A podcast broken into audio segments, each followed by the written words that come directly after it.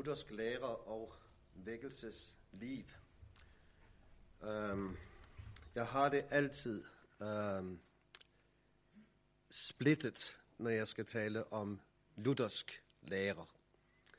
Um, øhm, jeg frygter altid, at det um, kommer at handle om Luther, og det kommer at handle om os, og ikke om ham, som Luther ville pege på og ham, som vi tror på. Nu skal vi bede om, at det må blive sådan, at det kommer til at handle om ham, som Luther ville pege på, og ham, som vi tror på. Lad os bede om det. Og Gud Helligånd, vi tror, og vi beder om, at du også må være her nu. Og at du også gennem dette vigtige emne for os vil gøre den gerning, at Jesus bliver herliggjort for os og for vores hjerter til tro og tak. Det beder vi dig om. Vi beder og tror, at vi beder i overensstemmelse med din vilje om det. Velsign du vores møde. Amen.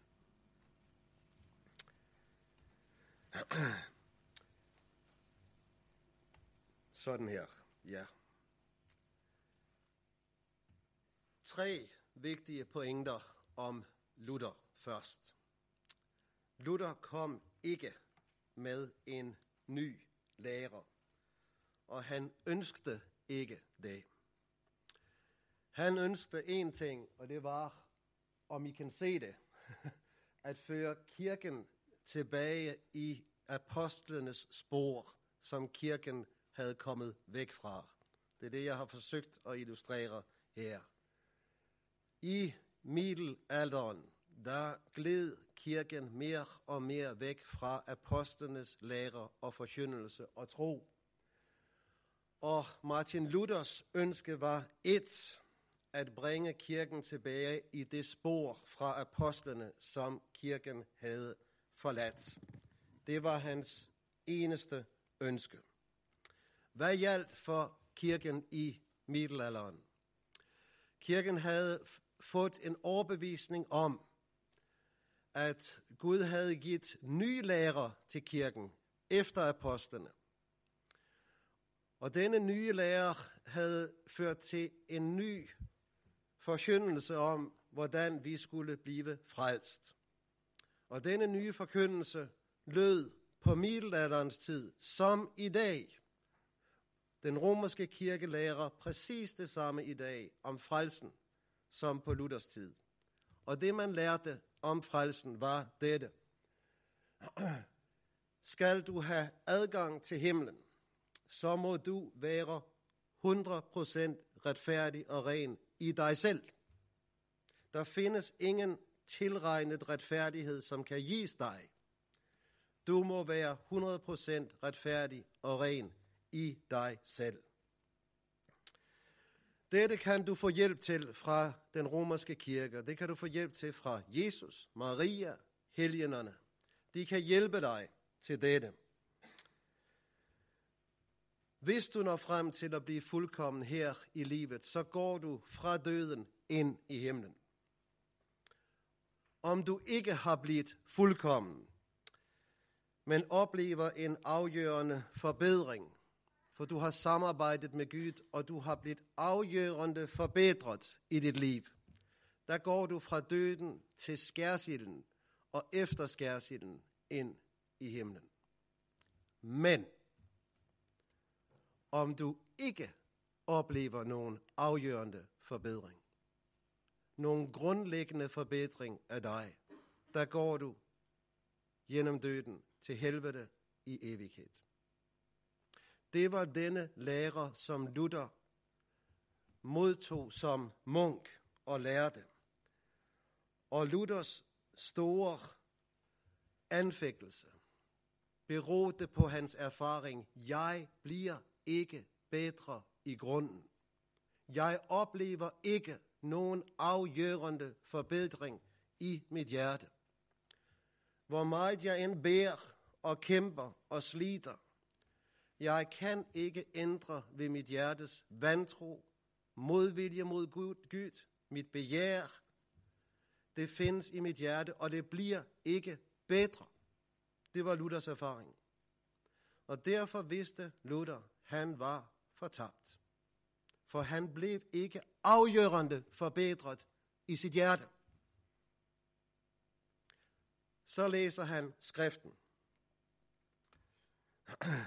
Og det, som han opdager i skriften, det er, at skriften faktisk regner med det, at vi ikke bliver bedre i vores egen natur. Vi i os selv er og forbliver de samme syndere i vores egen natur, med den samme modvilje mod Gud, vantro, den samme selviskhed, den forbliver i os. Det ved skriften om, og skriften forkynder. Jesus har fuldbragt frelse for netop sådanne syndere, som ikke forbedres i grunden. Og denne frelse har han fuldbragt en gang for alle. Og ved tro på ham, så tilregnes og gives vi hans retfærdighed. Romerbrevet var Luthers brev over alt andet.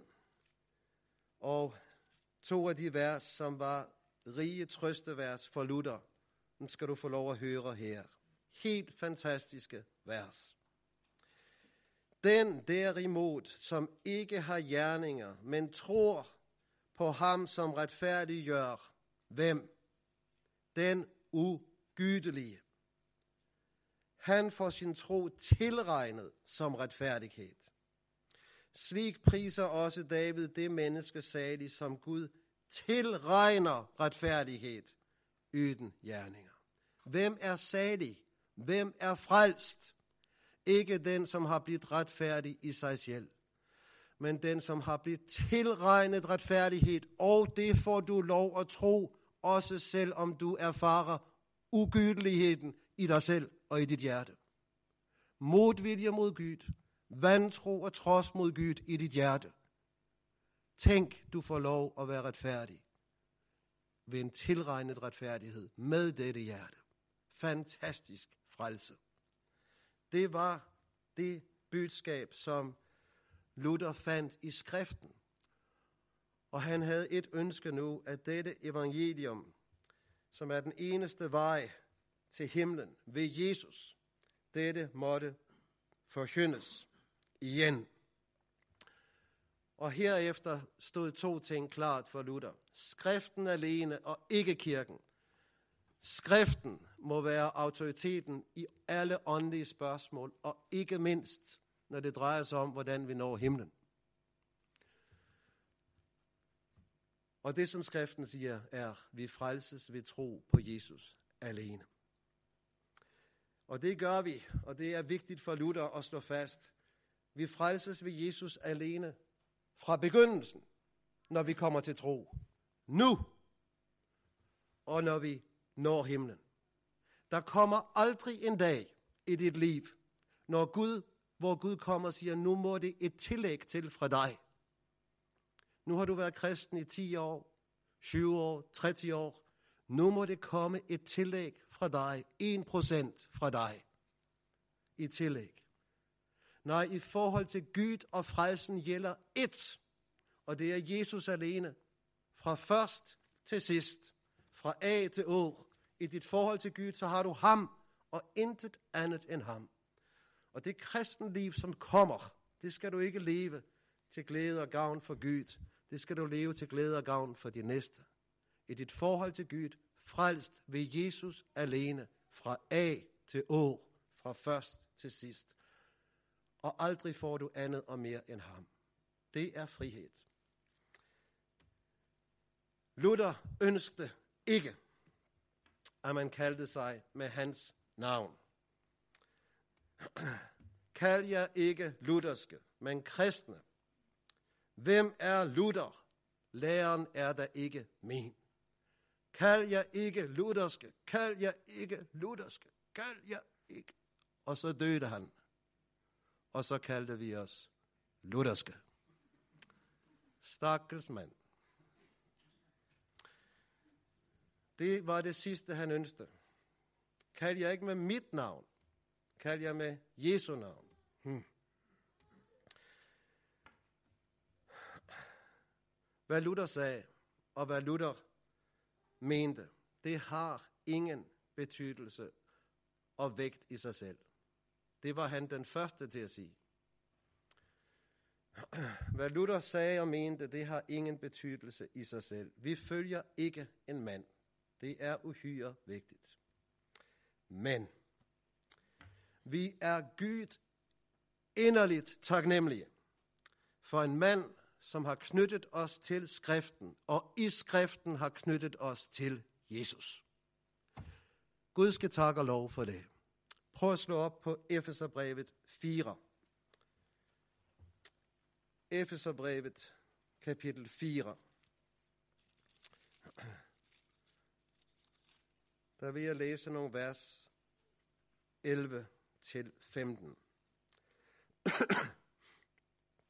Her hører du om en gave, som Gud har givet til den kristne menighed.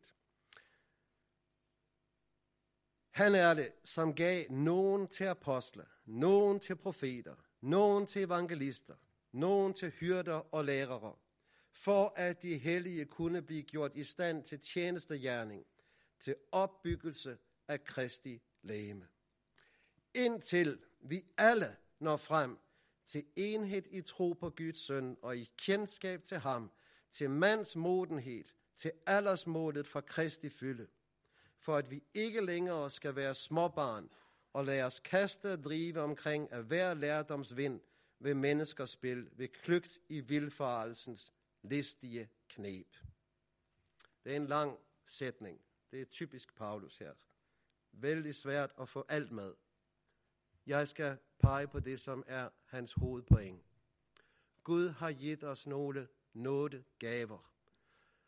Han har givet os nogle med en udrustning til at formidle Guds ord på en sådan måde, at vi når frem til enhed i troen på og glæde over Jesus. Så han bliver herliggjort for vores hjerter som vores frelser, vores rigdom, vores fred, vores herlighed. Det er målet. Og når Gud har givet os nogen, som bliver redskaber for det, at Kristus bliver forkyndt, så han bliver herliggjort for vores hjerte til tro og til frimodighed og til vidshed om frelse, så må vi takke Gud for dem. Vi må glæde os over dem. Det er en velsignelse. Det er en gave, som vi ikke må foragte. Lad os gøre brug af dem. Om de lever nu, så kald dem til denne prædikestol, at de kan bruge deres nådegave her og herliggøre Jesus for jeres hjerter. Om de er døde og har skrevet skrifter, så lad os læse deres skrifter i tak til Gud for, at han giver os dem. Så at vi fortsat kan glæde os over disse nådegaver. Gud gav os Luther med en nådegave til at tale om Kristus, herliggøre ham for os, så at han blev rig for vores hjerter. Og når han blev rig for vores hjerter, så vidste vi, hvad der var rigtigt og godt at høre om Jesus. Og så kunne de falske lærere komme og sige, hør dette og hør dette, og så hører vi, nej, det herliggør ikke Jesus for mit hjerte. Det gør mig ikke rig i ham. Jeg vil høre evangeliet om Jesus. Jeg vil have ordets rene mælk. Det er sådan Petrus, Peter, apostlen Peter taler om det i sit første brev. Når du har hørt evangeliet, siger Peter, så må du have det som et nyfødt barn med mors mælk. Kender I det? Barnet vågner klokken 3 om natten, og du kan tilbyde cola, du kan tilbyde kaffe, du kan tilbyde vatten, men det vil have én ting. Jeg vil have den rene mælk. Har du hørt evangeliet, og har Jesus blivet herliggjort for dit hjerte, så ved du, her er der frihed, her er der liv, her er der fred, her ånder jeg frit. Giv mig evangeliet om Jesus. Og så kan de falske lærere komme og tale om alt muligt, men der er jo ingen kraft i det. Der er ingen fred i det. Der er ikke noget liv, noget liv i det. Gud skal tak for de forsyndere, som har forsyndt evangeliet, så Kristus er blevet stor for vores hjerter, og vi vil ikke høre andet end evangeliet om ham. Det gav Gud os i Luther. Lad os takke for det. Og lad os takke for at gøre brug af alle dem, alle de forkyndere, som knytter os til skriften, og i skriften knytter os til Jesus. Det er en gave, som vi må gøre brug af. For det tredje. Luthers mål var ikke at danne en ny kirke. Luther ønskede som sagt, at kirken skulle blive ført tilbage i apostlenes bibelske og evangeliske spor, med en sand forkyndelse af evangeliet om Jesus. Men den romersk-katolske kirke fastholdt, efter apostlene, efter at Bibelen var blevet afsluttet, så har Gud givet ny åbenbaring. Udover Bibelen. Den holder vi os til. Og det gør Romerkirken fortsat. Og derfor ville den ikke tilbage og blive ved apostlenes lære. I stedet så lyste den Luther i band og udstødte ham fra Romerkirken. Og når Luther blev bandlyst og ydelugt fra kirken, så blev alle, som havde den samme tro per definition, ydelugt. Og hvad gør man så? Så kan man ikke gøre andet end at danne en ny kirke på bibelsk og evangelisk grund.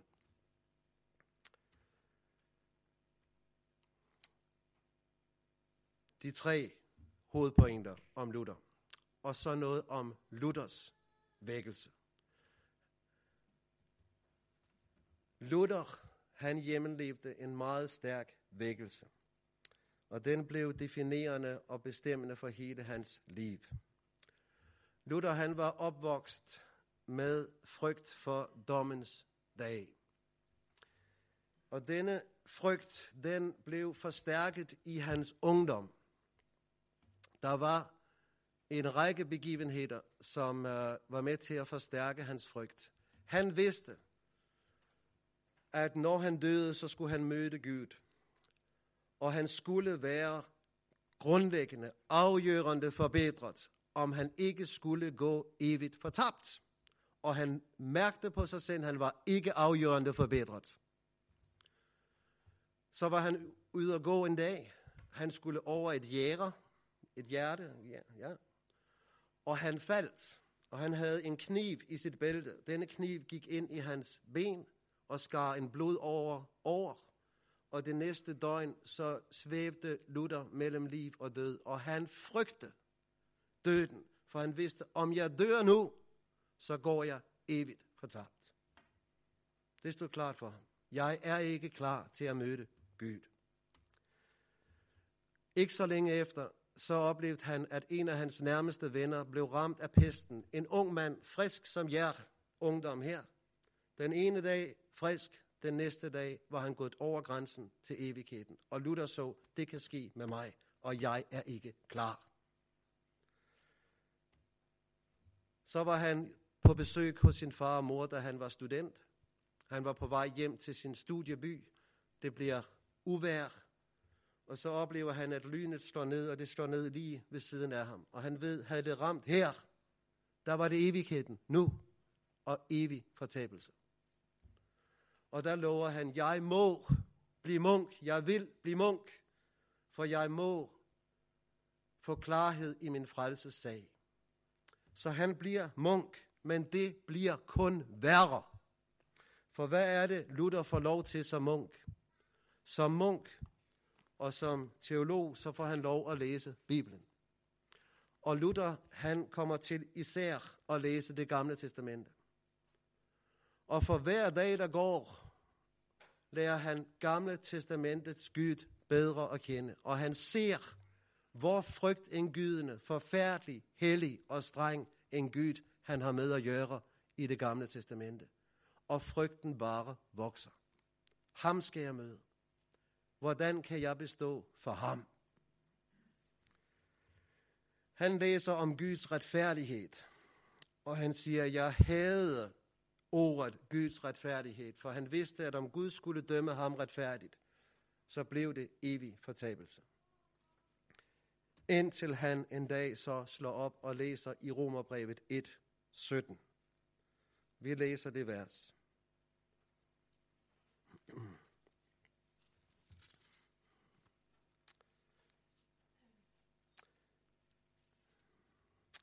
Ja, jeg læser vers 16.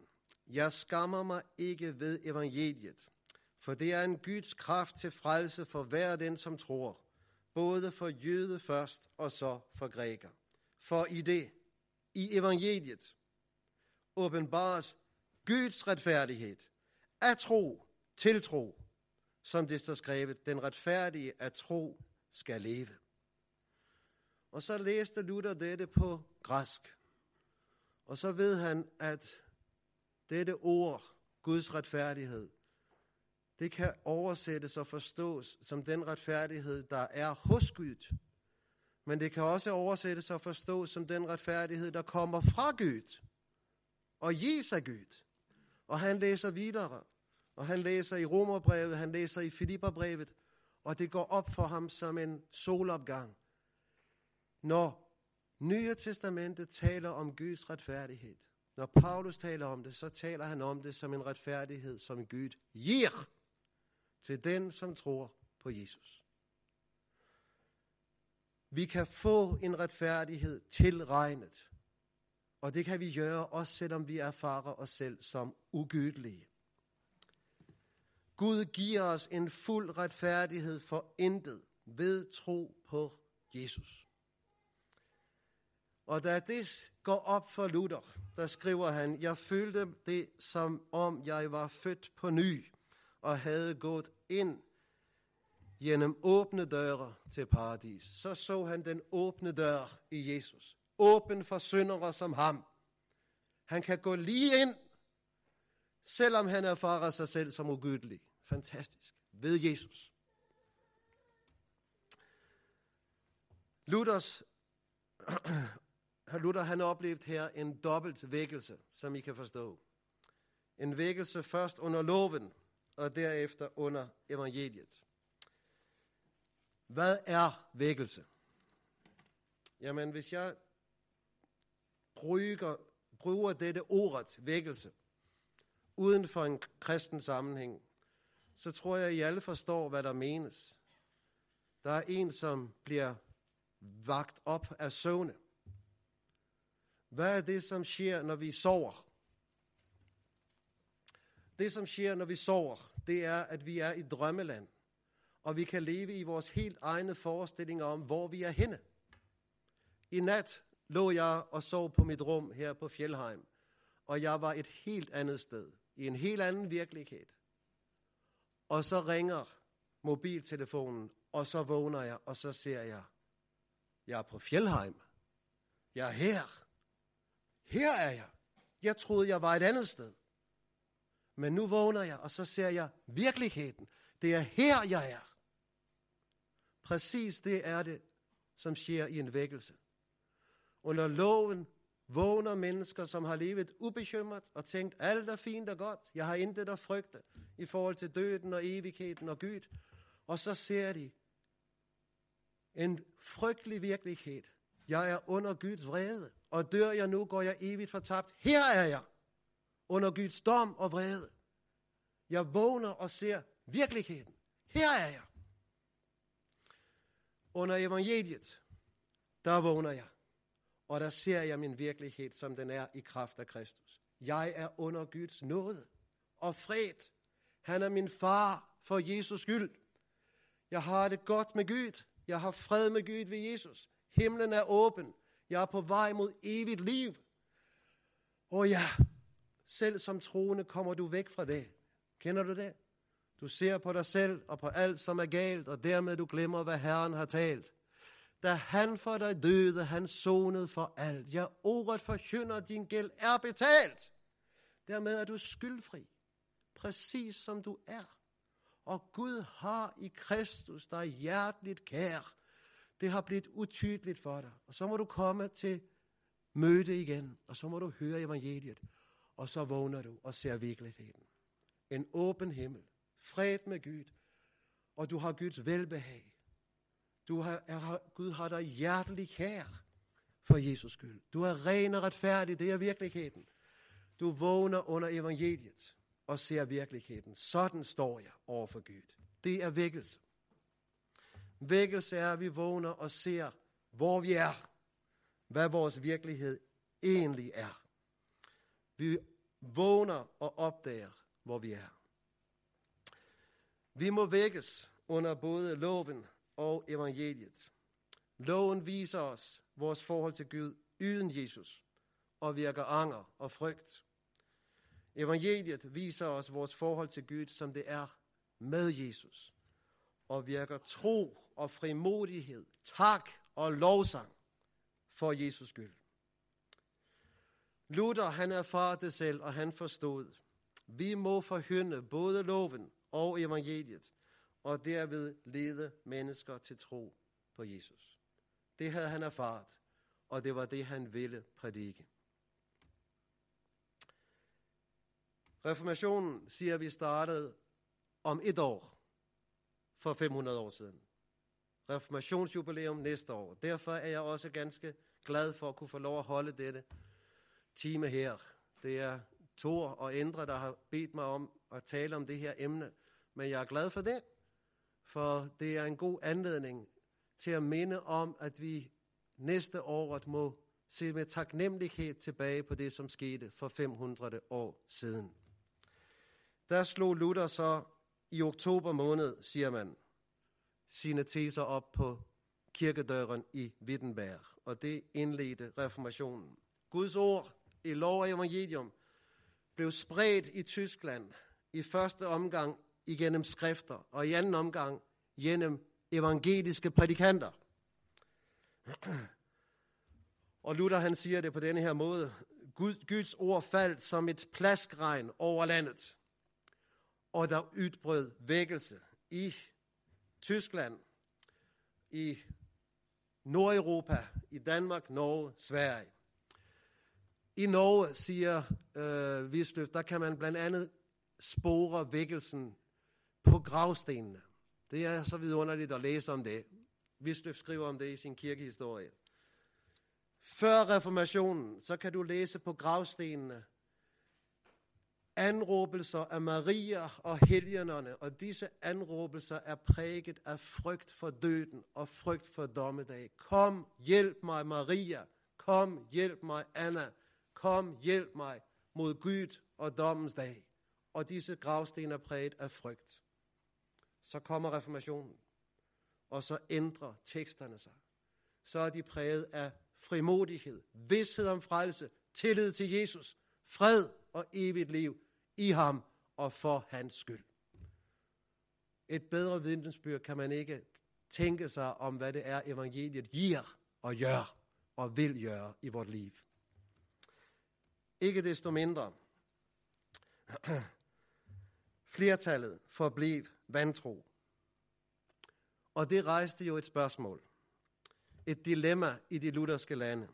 Skulle vi nu danne en kirke for de troende, eller skulle vi have en kirke for hele folket? Troende og vantro. Det var et stort dilemma. Luther havde sine egne kirketanker. Han var uhyre realistisk i sin vurdering af den åndelige situation i Tyskland. De fleste, siger han, er hverken troende eller kristne. De sande kristne er få, siger han, og de bor ofte langt fra hinanden. Luthers løsning er et dobbelt menighedsliv, som illustreret med denne her ellipse med to brandpunkter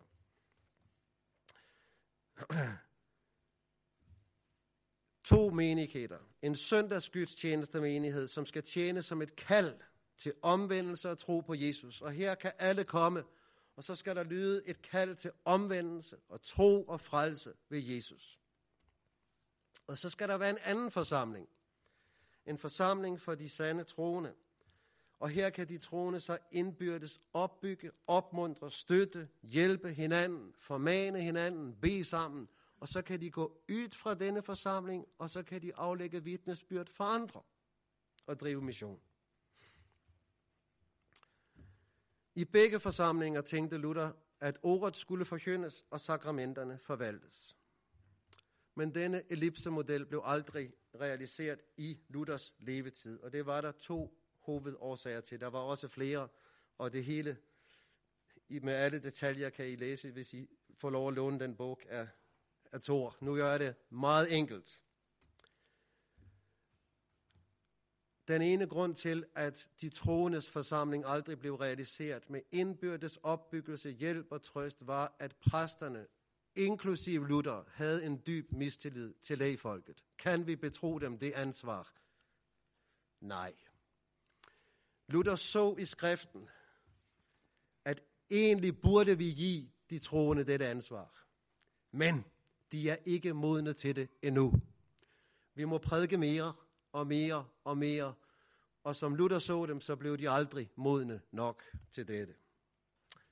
Det var en svaghed i Luthers tilgang til menighedsliv, som jeg mener er helt åbenbar, når man læser tilbage og ser, hvad der skete her.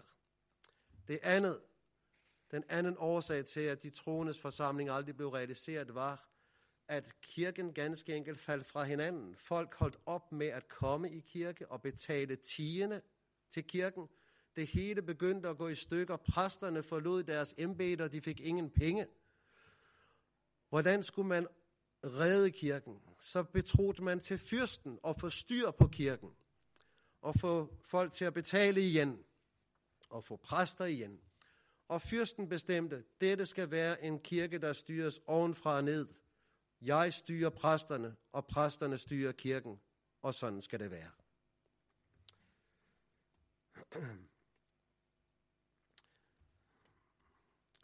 Hvad blev resultatet så? Resultatet blev det, som kom ud af reformationen i Norge og i Danmark og i Tyskland. En kirke, som omsluttede hele folket. Alle skulle være med. I Norge var det sådan efter reformationen. Enten var du luthersk kristen, eller også skulle du ud, ud af landet. Intet valg her. Alle skulle være med i kirken. Og denne kirke, den var ledet af præsterne. Og der var intet, ingen mulighed for et særligt fællesskab for de troende. Efter Luthers død, så blev det en lovmæssig pligt for alle at gå til gudstjeneste. Og det vil sige, kirken blev fyldt op med mennesker, som igen egentlig ikke ønskede at sidde der. Mange vantro mennesker. De kom, fordi de skulle. Og de troende, de fik forbydt mod at samles i egne forsamlinger. Så der var én forsamling, man kunne komme til, og det var den forsamling, hvor alle var samlet, vantro og troende. Og de troende måtte ikke samles for at styrke og opmuntre og hjælpe hinanden. Under de omstændigheder, så døde vækkelsen ydt.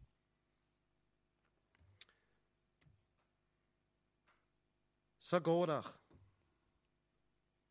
cirka 100 år. Og så vokser noget nyt frem. Noget nyt, som har afgørende betydning også for den forsamling, som sidder her.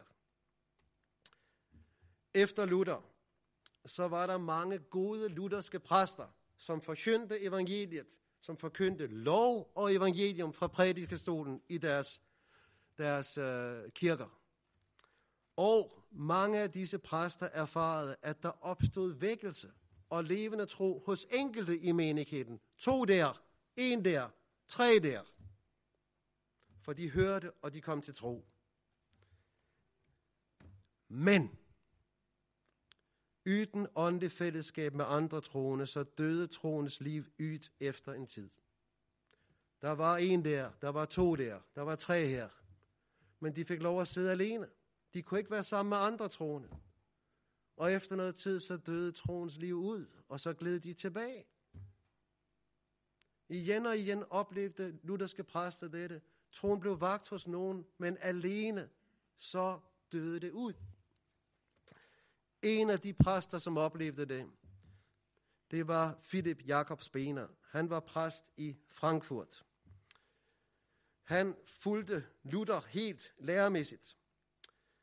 Men han ønskede at virkelig gøre tanken om de troendes forsamling. For han så det her i sin menighed i Frankfurt. Jeg har prædiket Guds ord, og det har vagt liv. Men de sidder alene og efter et år eller to, så dør livet ud. Hvad kan jeg gøre? Han så det igen og igen, og til sidst når han frem til, nej, jeg må samle de troende. De må finde sammen, så de kan hjælpe og styrke hverandre. Det er det, han når frem til. Og det gør han så alvor af. De troende har brug for at komme sammen, så de kan opbygge hverandre, bede sammen og støtte hinanden i troens liv. Og så gør han alvor af det. En skældsættende dag i 1670 i præstegården, der kommer fem personer, cirka. Og de samles til bøn, til bibellæsning, samtale, indbyrdes åndelig hjælp. Og de bliver opbygget, beriget i troen, fornyet i troen, styrket i troen. Og så går de hjem, og så inviterer de nogle andre med. I løbet af få år så voksede denne forsamling, konventiklen, til et par hundrede. Og så er der andre lutherske præster, som hører om det her. Man kan samle de troende, og de kan hjælpe hverandre, styrke hverandre, støtte hinanden. og det kopierer de i andre øh, forsamlinger. Spener, han er pietismens far. Han kom ikke med nogen ny lærer. Han var luthersk i sin lære. Det eneste afgørende nye, han kom med, men det var vigtigt, det var at samle de troende, så de kunne støtte og opbygge og opmuntre hinanden. Denne forsamlingsform den blev kopieret i alle lutherske lande, og en ny vækkelse brød frem, pietismen. Den fik liv fra disse små forsamlinger. Efter Spener, så var der flere andre, øh, som blev ledere i øh, den pietistiske bevægelse, men en af de mest afgørende, og den, som jeg tror har præget også denne forsamling, og jer, som er her mest generelt, det er Grev Sinsendorf. Han var greve i Sachsen. Han oplevede, at der kom nogle tjekkiske, nogle tjekkiske flygtninge til hans gods. Og dem prædikede han evangeliet for, og de dannede en forsamling der på øh, omkring 700, knap 700. Det, som var specielt for Sinsendorfs forkyndelse, var, at den var utrolig stærk i sin evangeliske tone. Han prædikede om det, Jesus har gjort en gang for alle. Det er færdigt. Du har en nådig Gud for Jesus skyld. Gud er forsonet. Alt er gjort. Du får lov at sige tak. Han prædikede det med kraft til frimodig, frelsesvis tro på Jesus. Evangeliet nåede hjerterne, og det skabte i hjerterne frelses jubel, frelses glæde over Jesus og den evige frelse i hans blod. Og det skabte en nød for, at andre skal høre dette budskab. Og så sendte de missionærer ud fra dette gods i Hernhut i Sachsen. De sendte 600 missionærer ud, og der blev tilbage på godset 50. Ved evangeliets kraft. Og dette blev begyndelsen til en mægtig missionsindsats fra den, den øh, pietistiske vækkelse. Men det var ved evangeliets kraft, fordi evangeliet havde skabt tro og liv i hjerterne. Og så skulle dette evangelium ud. Og disse hernhutiske missionærer, de kom også til Norge, og de har fået afgørende betydning for det åndelige liv i Norge, også det liv, som har nået jer. De har fået afgørende betydning ind i min familie. De har fået afgørende betydning for det evangelium, min mor forkyndte for mig til tro.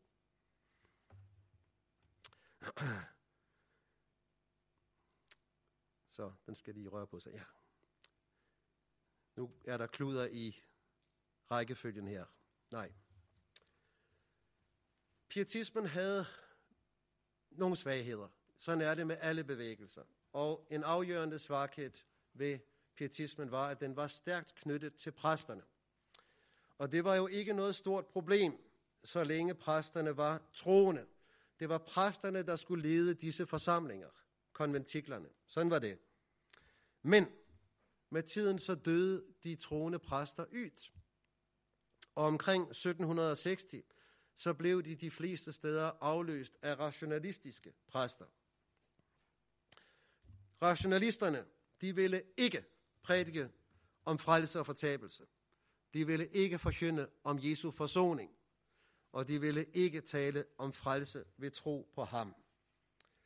De ønskede at nå mennesker med en positiv, lys, oplyst og alment acceptabel kristendom, som var løsrevet fra skriftens ord. De lagde afstand til disse vagte i konventiklerne og forbød deres samlinger. Når de havde magt i et sorgen, magt i et område, så sagde de nej. I dette område får de troende ikke lov at samles. Ikke så længe jeg er præst her. Hvad blev resultatet af de rationalistiske præsters virksomhed? Deres lyse, opmuntrende forkyndelse var åndeligt tom. Der var intet for hjerterne at hente, og de prædikede kirkerne tomme. Så i år 1800, der var der flere aflyste gudstjenester i Norge og Danmark, end der er i dag. Der er mange steder, især i Danmark, men formentlig også i Norge, hvor gudstjenesterne må aflyses, fordi der ikke kommer folk nok. Men der var flere aflyste gudstjenester i år 1800. Hvad gjorde de troende? De troende samledes, selv om det var forbudt, i hjemmene. Og der læste de Bibelen, Guds ord, og så læste de gode lærere, de lærere, som knyttede dem til skriften og i skriften til Kristus. Og det var Martin Luther, det var Christian Skriver, det var Mart- Johan Arndt, det var Martin Møller, det var Erik Pontoppidan og andre med dem. De læste de lærere, som knyttede dem til skriften, og i skriften knyttede dem til Jesus.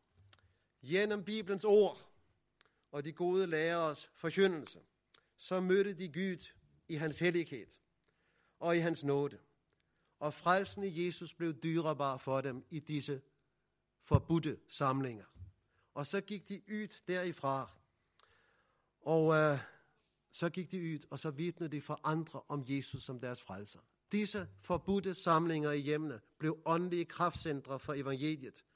De blev åndeligt fornyet opbygget, og de gik ud med lysets klarhed og saltets kraft og vidnet for andre om Jesus. Og så fik vækkelsen igen ny kraft. Og den varte, denne vækkelse, i mere end 100 år. Og i mere end 100 år, så var den præget af sund, bibelsk og evangelisk ånd. Det er helt utroligt. Jeg, nu er jeg 52 år, og jeg tror, øhm, af forskellige grunde, der, I, I som er ungdom, I, læs, I er meget på internettet.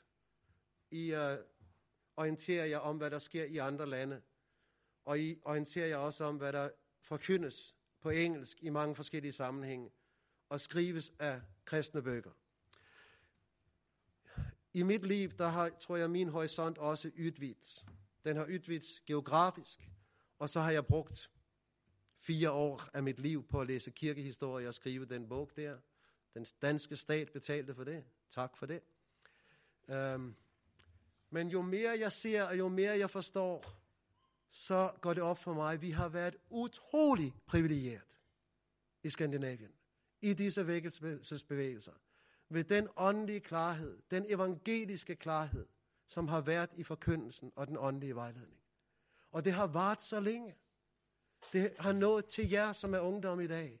Det er en rigdom uden sidestykke i kirkehistorien, og det er en rigdom, tror jeg, uden sidestykke internationalt. Vi er utrolig privilegeret.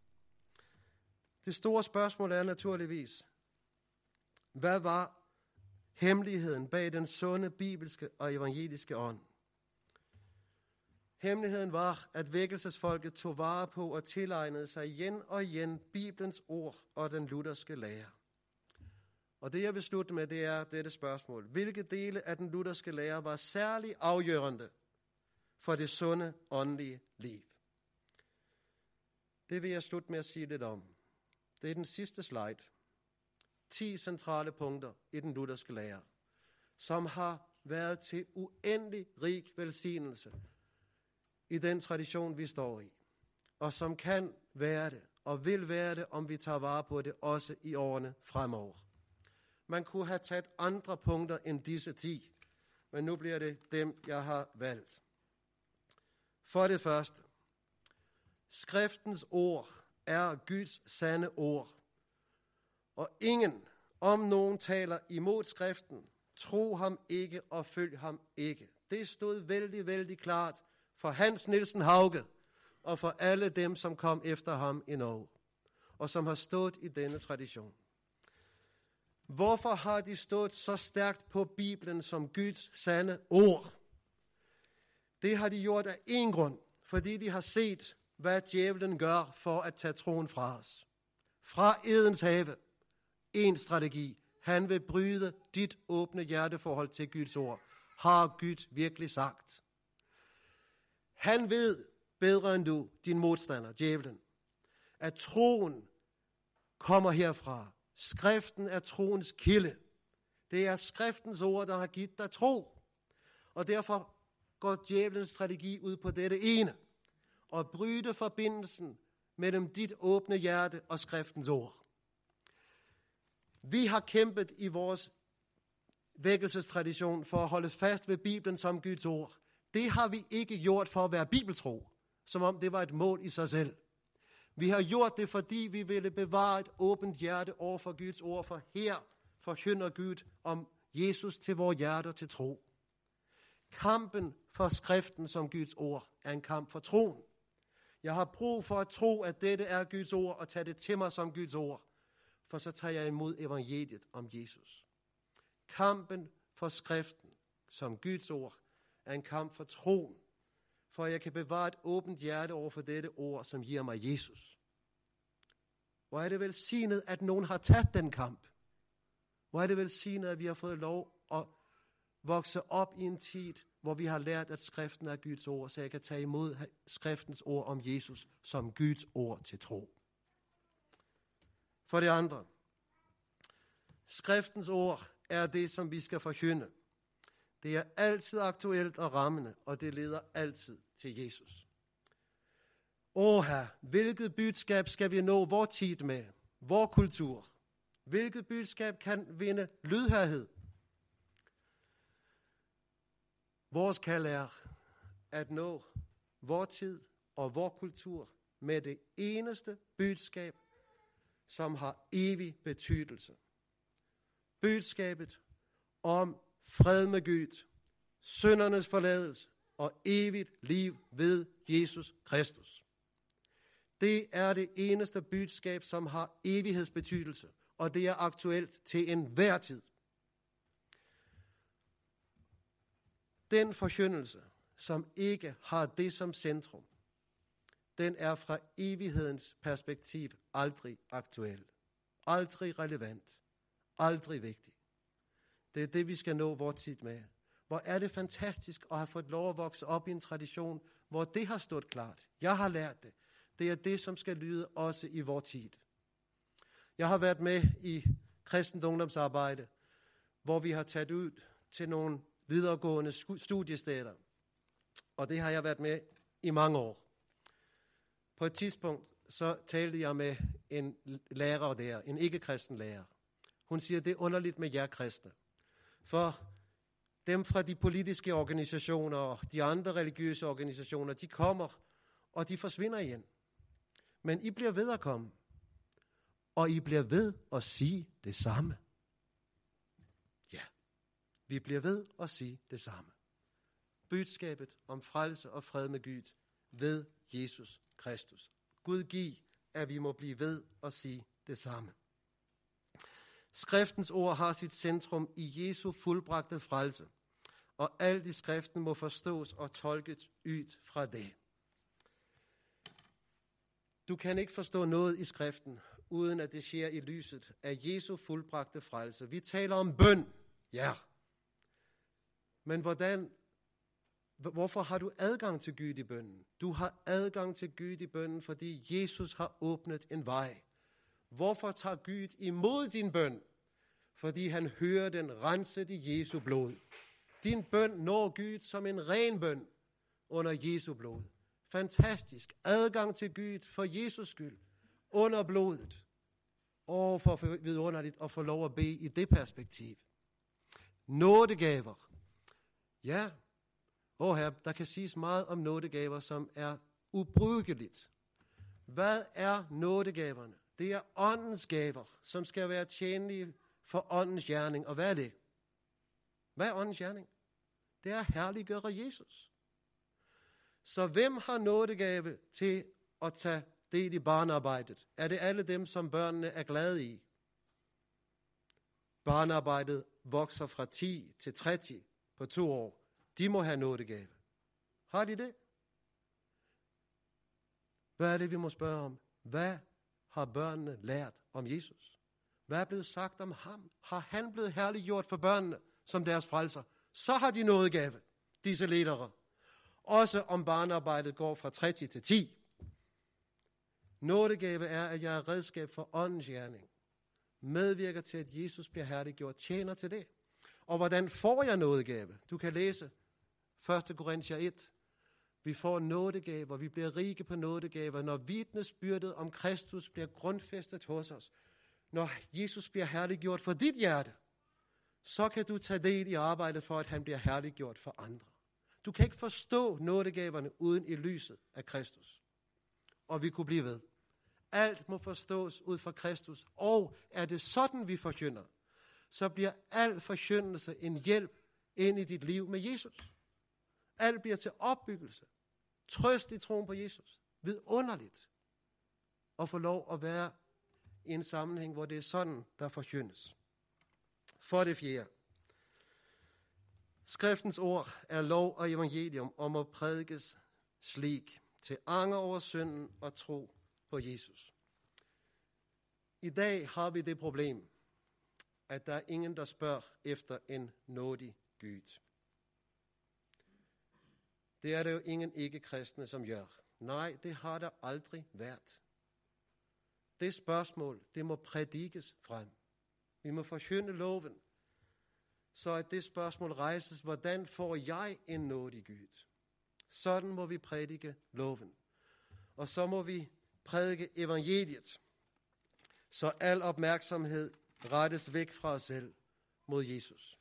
Om loven prædikes ret, hvad siger så? Så ser vi i virkeligheden, at der er ingen forskel. Der er ingen forskel mellem os, som sidder her, og der er ingen forskel mellem os og dem derude.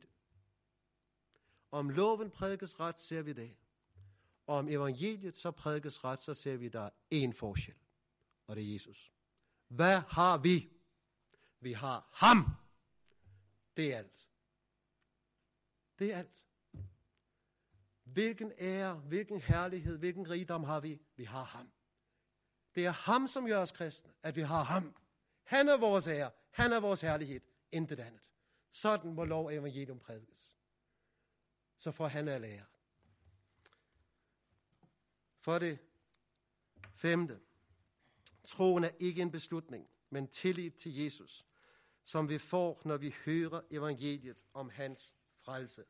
Hvordan har du kommet til tro? Det spørgsmål stillede jeg i søndags, og jeg svarede det selv. Alle er vi kommet til tro ved at høre evangeliet. For troen kommer af det, som høres. Det står i Romerne 10:17. Og så har jeg talt med min nytestamente lærer, og han har fortalt mig, at ordet kommer. Det står i durativ. Det er en grammatisk form, man bruger om noget, som er gentaget igen og igen, vedvarende.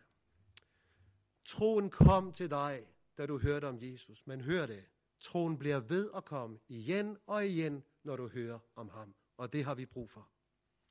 Troen er ikke en beslutning, men det er noget, som vokser frem i vores hjerte, når vi hører om Jesus. Og tænker for lov at være i en sammenhæng, hvor der er syn for det, og vi har brug for at høre evangeliet igen og igen. Og så kommer troen igen. For det 6. Frelsens grund er Jesu fulde opfyldelse af loven og fulde soning af synden for os og yden for os. Med Luther havde en ven, med Langton. Han hjalp Luther til evangelisk tro. Men senere så var det med Langton, der fik problemer. Så skriver han et brev til Luther.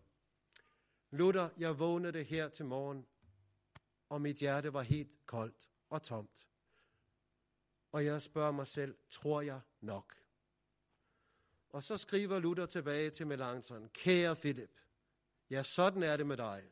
Det er nok også værre, end du tror. Men Philip, frelsen er yden for dig. Den frelse, som frelser dig, den finder du ikke hos dig. Den er fuldbragt i Jesus yden for dig. Og den er i himlen nu. Gud ser den, og der er noget i Guds hjerte, for han ser Jesus og den fuldbragte frelse. Hvordan har du det med Gud? Når jeg spørger om det, så kigger du indad. Men nej, du må kigge opad. Åh oh ja, frelsen er yden for mig. Frelsen har jeg i Jesus. Jeg har det godt med Gud på grund af Jesus. Jeg føler ofte skiften. Det stadigvæk slår om. Snart er jeg rørt af skriften. Snart er jeg kold og død og tom. Men jeg må nu betragte, hos Gud det skifter ej. Jeg rent jeg må foragte mit hjertes ja og nej. Frelsen er yden for mig i Jesus. Vidunderligt at høre, og vidunderligt at få lov at være i en forsamling og en sammenhæng, hvor det prædikes. Forvisningen om frelse er baseret på Jesus alene og på ordet om Jesu frelse og ikke på alikvit in homine, noget i mennesket. Hvordan kan du vide, du er frelst? Det kan du, fordi Jesus har fuldbragt frelse for dig, og fordi Guds ord siger det. At således elskede Gud verden, at han gav sin enborne søn for, at enhver, som tror på ham, ikke skal fortabes, men have evigt liv. Hvad er vort problem, når du hører det? For mange af os er problemet, at vi lægger trykket det forkerte sted. Prøv at høre. For at enhver, som tror på ham, ikke skal fortabes, men have evigt liv. Og så bliver det store spørgsmål, tror du virkelig? Ikke sandt? Når vi lægger trykket der. Den hjælp, som Guds ord giver dig, det er at lægge trykket et andet sted. For at enhver, som tror på ham, ikke skal fortabes, men have evigt liv. Alle mennesker tror, men du kan tro på en af to ting. Enten tror du på dig selv, eller også så tror du på Jesus. At han skal hjælpe dig og gavne dig og frelse dig på dommens dag. Hvad tror du på? Du må tro enten på dig selv eller på Jesus. Troen har kun én hånd. Jeg talte med bofklassen om det her. Hvad er troen? Troen er en pegefinger, som peger væk fra mig selv. Peger på Jesus og siger, lad mig blive frelst ved ham, Gud. Det er troen. Og her har du ikke to pegefingre, så du kan pege på dig selv, at min kristendom dog må være i orden, og hvis den ikke er helt god, så lad mig blive frelst ved Jesus. Nej, du har en hånd, og så må du pege enten på dig selv eller på Jesus. For at enhver, som tror på ham, ikke skal fortabes, men have evigt liv. Det er at være kristen. Jeg tror ikke på mig selv, jeg tror, han må frelse mig. Og det tror jeg på, han vil gøre, fordi Guds ord siger det. Den troende vil altid opleve en indre kamp mellem ånd og kjøtt, og vil opleve sig selv syndig. Og det bliver ikke bedre. 52 år har jeg blevet. Det går ikke opad. Helligånden arbejder, så det går nedad, at jeg ser mere her, og erfarer mere her. Og det siger jeg ikke, fordi det skal man sige. Jeg har ikke fået mere frimodighed i forhold til mit kristenliv, end da jeg begyndte. Det har, jeg har fået, er blevet mere modløs. Og jeg erfarer, at jeg er ikke grundlæggende forandret i mit gamle hjerte. Derfor har jeg brug for at tage det evangelium til mig, som Luther fandt trøst i. Den troende er og forbliver samtidig sønder og retfærdig. Sønder i sig selv, retfærdig i Jesus.